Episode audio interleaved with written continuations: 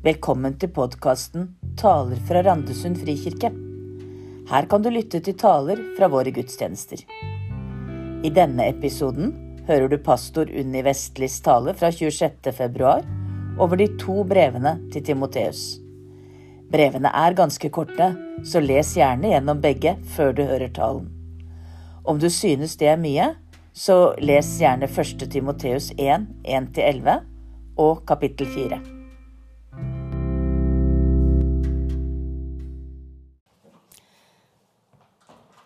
La oss eh, be sammen. Gode Gud, vi kommer til deg nå. Ber om at du skal eh, møte oss i dag gjennom ditt ord. Ber om at du skal gi oss åpne hjerter og åpne ører, så vi kan høre deg og lære deg bedre å kjenne. Amen.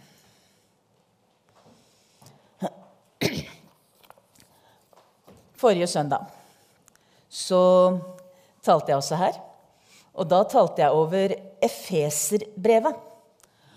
Eh, og jeg kommenterte at eh, dette brevet virker ganske upersonlig og hadde lite konkret informasjon om menigheten i Efesos. I dag så skal vi derimot til et par brev som forteller oss en god del om hva som skjedde i denne menigheten i Efesos og livet der. For det var i Efesos Timoteus var når han mottok de to brevene fra Paulus, som er tema for dagens gudstjeneste, første og annet Timoteus-brev. Timoteus møter vi i Bibelen første gang i Apostlenes gjerninger, kapittel 16. Paulus har akkurat lagt ut på sin andre misjonsreise.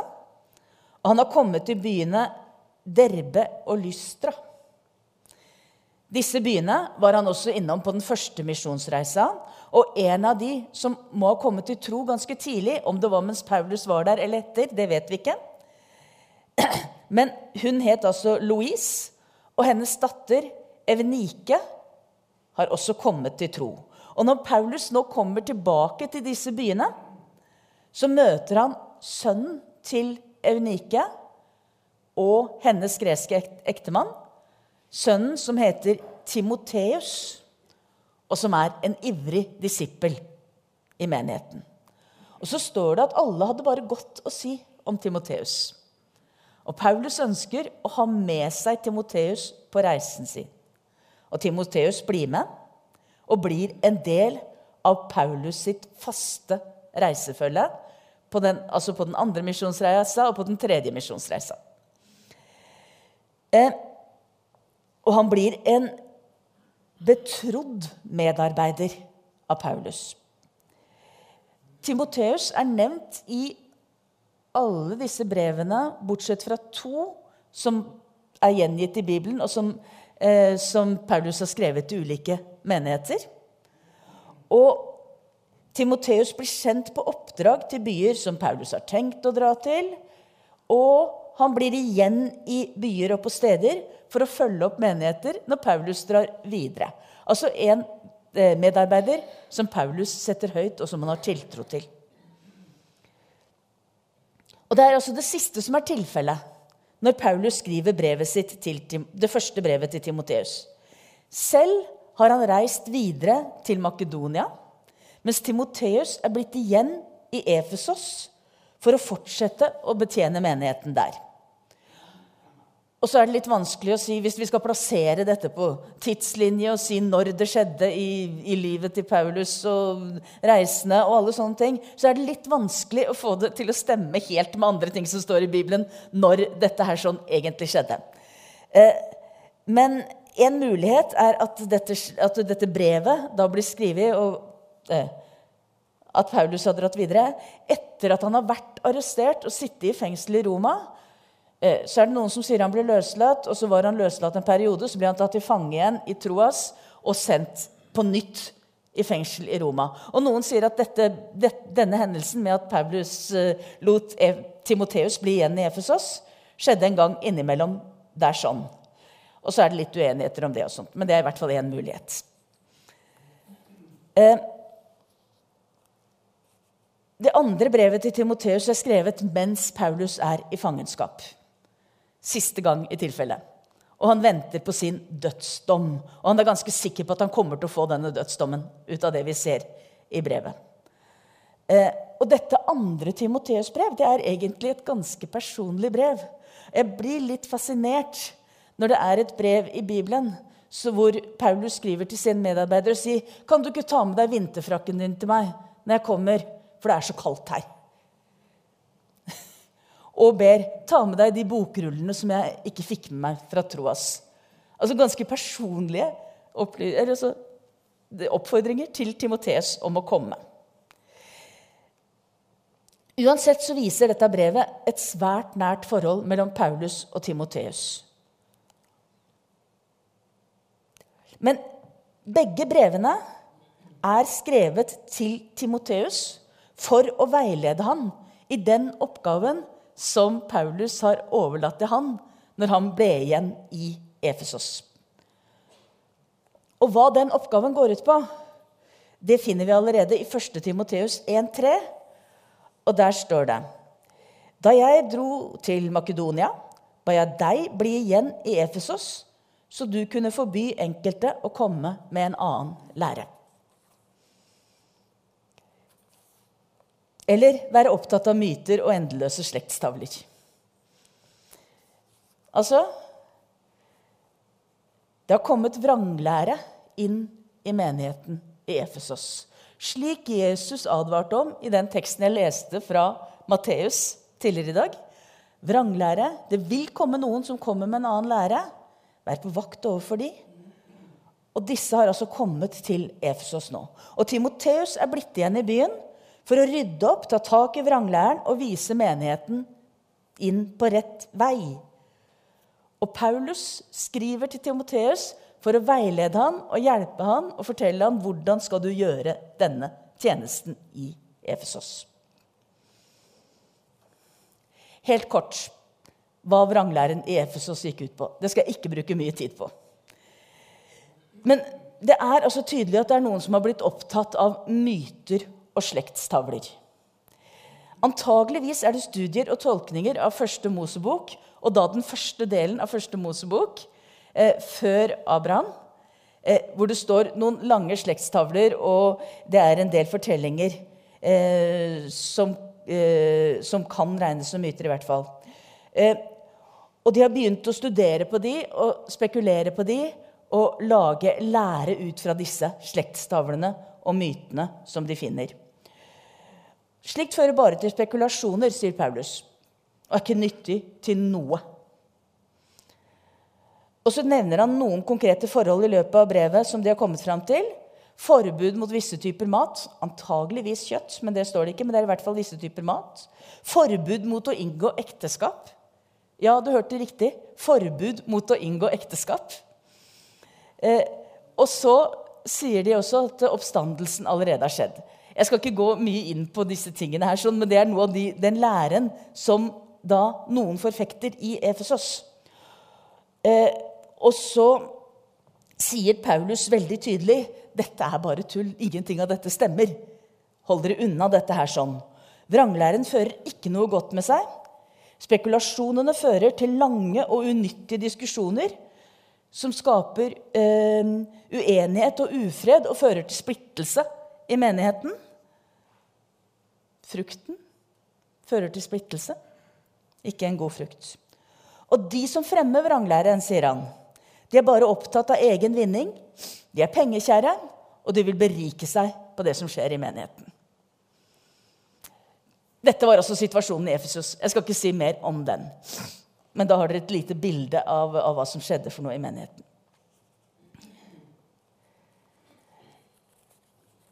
Eh, men for meg, når jeg leser dette her sånn, og skal tale over det i gudstjenesten, så er det jo mye viktigere hvordan Paulus veileder Timoteus eh, om hvordan han skal hjelpe menigheten tilbake på rett vei. For Paulus gir oss i disse brevene en rettledning med noen punkter som vi også kan følge, og som vi også kan ha nytte av når vi skal rettlede og veilede hverandre, se til at vi er på rett vei, både som menighet og som enkeltpersoner. For sjøl om vranglæren ikke konkret er den samme eh, hos oss i dag, så er ordene i Matteusevangeliet om at det vil komme vranglærere, noen som vil føre oss på avveie og bort fra den rette veien med Jesus, eh, de gjelder fortsatt i dag også. Og så gir kanskje dette brevet oss en liten hjelp til hvordan, hvordan, skal, vi, hvordan skal vi møtegå, hvordan skal vi komme i møte med disse tingene. Og når Paulus veileder Timoteus i dette brevet her, så, i disse to brevene For dette er egentlig henta litt fra begge brevene, det jeg snakker om nå, fordi de handler om det samme. Eh, så er det tre punkter Paulus er innom som eh, Timoteus skal gjøre i forhold til menigheten. Det første Paulus oppfordrer Timoteus til, det er å be sammen med menigheten. Jeg formaner dere framfor alt eh, til å bære fram bønn og påkallelse, forbønn og takk for alle mennesker, sier Paulus. Rett og slett be for alle. Be om å få ro til å leve et liv som gjør at Guds rike kan vokse rundt dere. Sånn at andre kan få se at Jesus er en god herre å tjene. Be om ro fra styresmakter. Be om ro omkring dere. Be for alle mennesker rundt dere, for Gud vil at alle mennesker skal bli frelst, sier Paulus her. Og jeg tenker bønn er alltid et godt utgangspunkt og en god fortsettelse og en god avslutning. Bønn skal gjerne omslutte alt vi gjør. Bønn for alle folk, bønn om at vi skal kunne gjøre Guds gjerning der vi er satt. For i bønn så påkaller vi Han som er Herre for alle mennesker. Han som vil enhet, han som vil frelse. Så det var det første punktet bønn. Og bønn sammen med menigheten. Det andre punktet som, som Paulus eh, eh, nevner for Timoteus, det er at han skal innsette gode ledere i menigheten. Eh, de som skal være ledere, eh, eller det som i brevet kalles tilsynsmenn Og så kan vi for så vidt også oversette det som står der, med pastor eller eldste. Men i alle fall, eh, de som skal være ledere i menigheten, eh, skal ha mange gode karaktertrekk som viser at de følger Gud. Det er det som er på en måte kjernen i disse karaktertrekkene. Og disse listene er jo også utgangspunktet for de spørsmålene som blir stilt når vi innsetter både diakoner og eldste og pastorer i menighetene våre også. Lister over hvilke karaktertrekk som skal følge en leder. For for å kunne veilede en menighet må lederne følge Herren og være modne i troa og trofaste. Eh, og dette gjelder altså, I, i Timoteus-brevet så er det både for pastorer og tilsynsmenn og eldste, som jeg sa.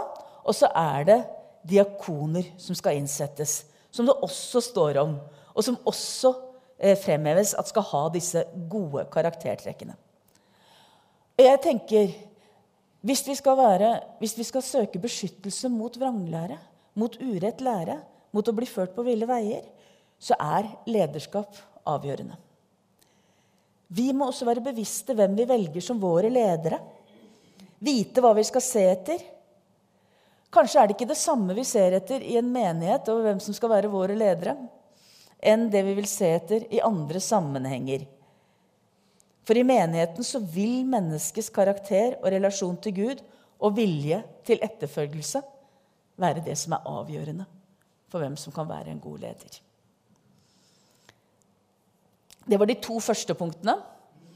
Lette å forholde seg til i forhold til hva vi, hva vi, eh, hva vi trenger i vår menighet også.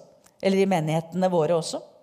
Og det tredje som Timoteus skal gjøre, når han skal eh, ta tak i disse problemene i Efesos. Det er å rettlede de som har kommet på feil vei. Og Her er vi plutselig inne i noe som ofte er veldig vanskelig for oss. For det å rettlede og veilede hverandre, så får vi veldig fort piggene ut, fordi det er ingen som skal fortelle meg hva som er rett og galt. Eh, det skal jeg finne ut selv. Men Bibelen er ganske tydelig. Vi skal Altså Som ledere så er det noen av oss som har fått et særlig ansvar for å rettlede og veilede. Men Bibelen sier faktisk at vi skal rettlede og veilede hverandre som eh, Guds barn. Eh, og Paulus gir en del konkret informasjon og for, noen konkrete formaninger som er knytta til den vranglæra som har fått rom i Efesos her. Men så har jeg tenkt at i alle fall et par av disse tingene som står her, er ganske så relevante eh, for eh, hva vi ser rundt oss, eh, i samfunnet rundt oss. Hva som fort kan være ting som fører til problemer i menigheten hos oss også. Eh, I Norge i dag. Um, og når jeg sier menigheten, så, så, er det ikke det at jeg har noen konkrete tanker om Randesund frikirke. akkurat nå bare for å ha sagt det, Men jeg tenker menighetene i vårt samfunn. Og Det første som står her, som Paulus sier til Timoteus, er Unngå lange og meningsløse diskusjoner om ting som er uvesentlige. Ja, du kan smile. For det fører bare til splittelse og uro. Og så sier Paulus loven er gitt for å overbevise om synd. Og når loven overbeviser om synd, drives mennesket til Jesus, som kan rense for urett og gi oss rettferdighet framfor Gud. Lange diskusjoner om forståelse av lovens ord og forståelse av dette og hint er stort sett bare unyttige, sier han. La loven overbevise om synd og drive mennesker til Jesus. Det er det loven er til for. Så Det var den første konkrete rettledninga. Unngå lange diskusjoner om ting som er uvesentlige. Og så fortsetter Paulus med å gi noen rettledninger angående bønn. Be med løftede, og re, løftede og rene hender uten sinne og strid, sier han. Og Her ser det ut som om det er noen som har tatt med seg diskusjonene og uenighetene som de da har eh, fordi de diskuterer disse her uvesentlige tingene som jeg snakka om tidligere, eller i stad, inn i bønnemøtene sine. Og så ber de i sinne og med argumentasjon eh, i stedet for å rette oppmerksomheten mot Gud, som er én og alles far. Og så tenker jeg at et, dette er definitivt også et godt råd til oss å ta med oss. Bønnemøtene våre er ikke kamparenaer mellom mennesker. Bønn skal rettes til Gud, som er alles far og én. Det var også en rettledning Paulus kom med her. Men så, så, kommer vi til det da, som jeg, jeg, vet at når vi leser dette, så er det mange som begynner å steile. For nå kommer vi til disse rettledningene som handler om hvordan kvinnene skal oppføre seg i menigheten. Paulus, dette er et av de stedene hvor Paulus sier kvinnen skal, tie, skal ikke tale i forsamlingen, sier han. Åssen skal vi forstå dette? Jeg skal ikke gi noe sånn eh, endelig utlegning om det her nå. For eh, det tror jeg ikke hører hjemme i en gudstjeneste. Eh, og dette er jo en av våre tids stridsspørsmål, som kanskje fører til endeløse diskusjoner. Men helt kort Er det mulig at den teksten er ord til noen, noen kvinner i den konkrete menigheten som det her er tale om? Kvinner som var blitt villeda av eh, falske veiledere, falske lærere. Og som var blitt mer opptatt av penger, status, vakre klær og fine smykker enn sann gudsdyrkelse. For det er de kvinnene det står om i det avsnittet dette handler om. Noen som, med, som kommer eh, til gudstjenesten og er opptatt av å kle seg pent, ha på seg de vakreste og dyreste smykkene og se finest ut. Og de er mer opptatt av dette enn av sann gudsdyrkelse. Og senere i brevet Jeg sa det så vidt i stad. Senere i brevet så ser vi at pengebegjær er en av de tingene som følger vranglærerne. De er opptatt av egen vinning, ikke av at Guds rike skal vokse.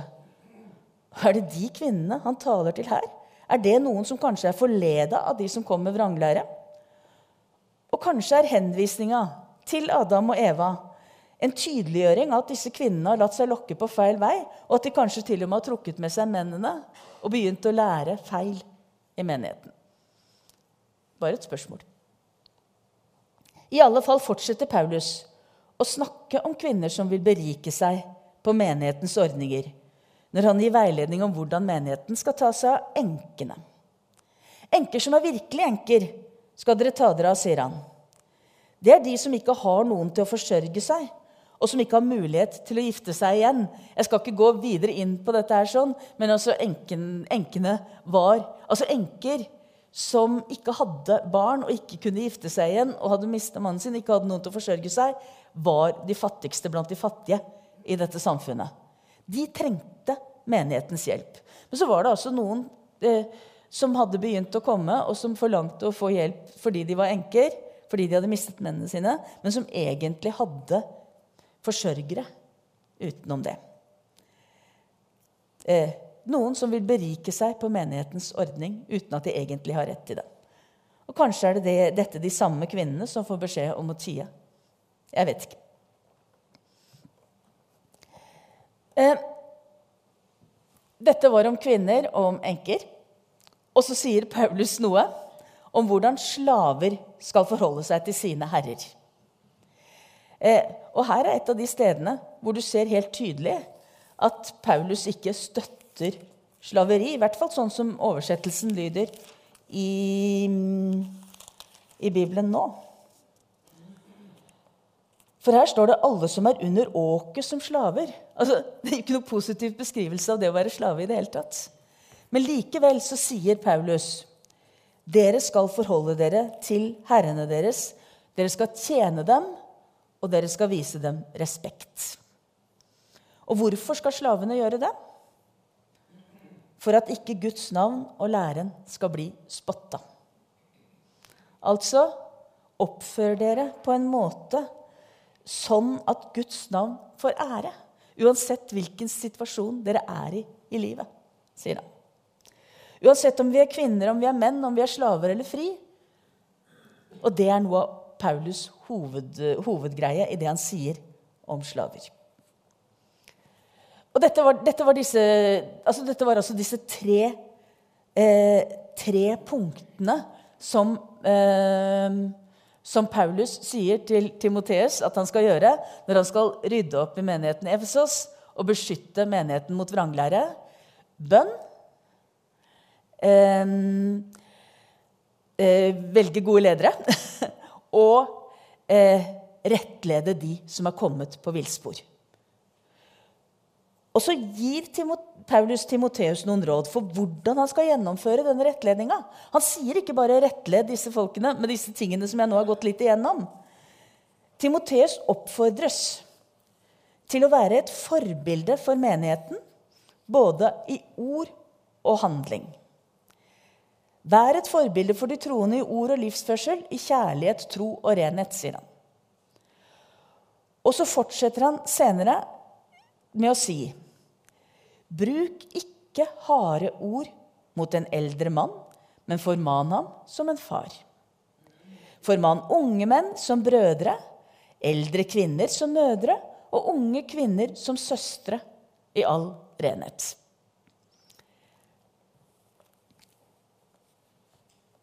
Eh, når du rettleder og veileder, gjør det med mildhet, gjør det med kjærlighet. Gjør det som om den du snakker til, er en av dine aller nærmeste. En av de du bryr deg aller mest om i livet. Mor, far, barn. Så tenker jeg det er ikke galt å veilede, rettlede andre. Vi har faktisk bedt om det. Men vi skal gjøre det på denne måten. Vi skal være forbilder i livene våre gjennom ord og handling. Og vi skal ikke være harde, men som om vi snakker til de vi holder mest av. Og så, rundt hele denne veiledningen som Paulus gir til Timoteus om hvordan han skal rydde opp i menigheten, så kommer Paulus med mange oppmuntringer eh, og eh, sånne heiarop og sånne støtteerklæringer og hvordan Timoteus, eh, som er hans gode venn, eh, hans læregutt og hans medarbeider, skal kunne bli stående i den tjenesten som han er i.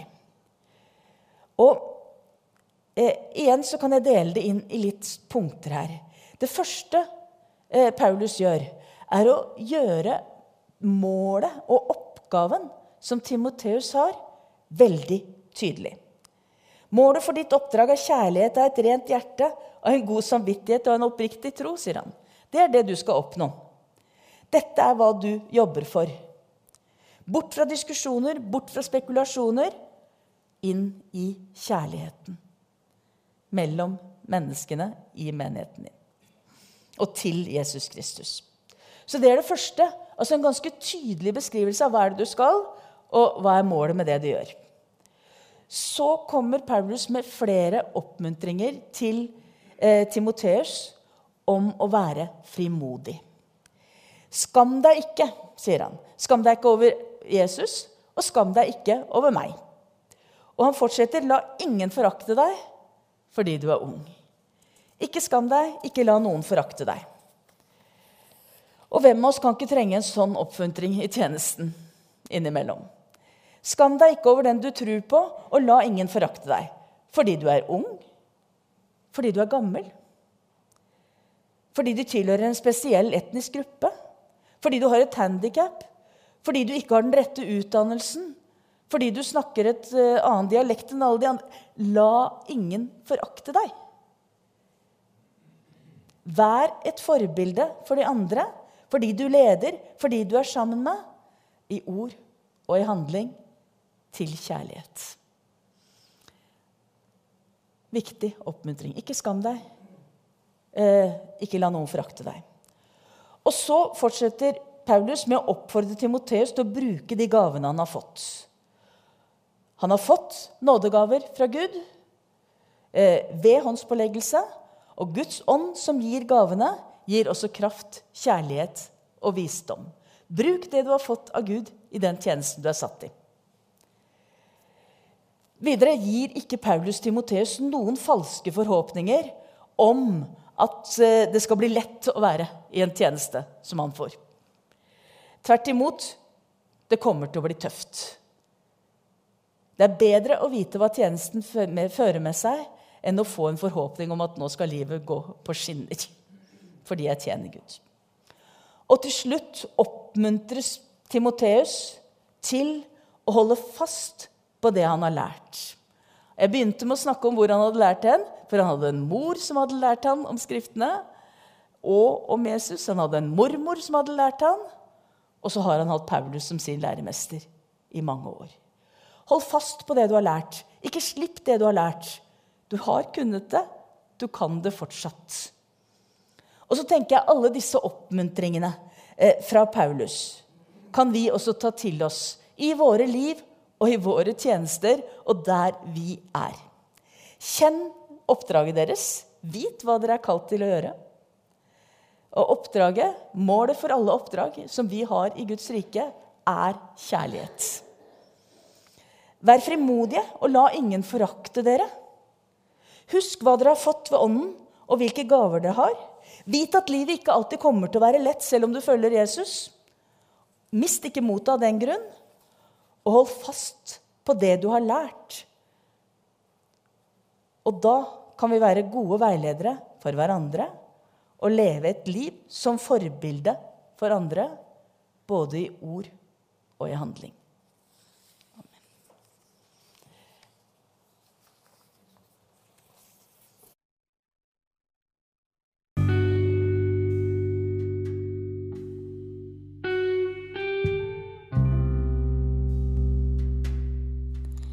Du har nå lyttet til en episode i podkasten Taler fra Randesund frikirke. Om du ønsker det, kan du finne flere taler på samme sted som du fant denne. Jeg vil også oppfordre deg til å ta en kikk innom vår andre podkast, Randsoner. Der kan du høre vår pastor Jostein Ørum i samtale med ulike personer om tro og liv.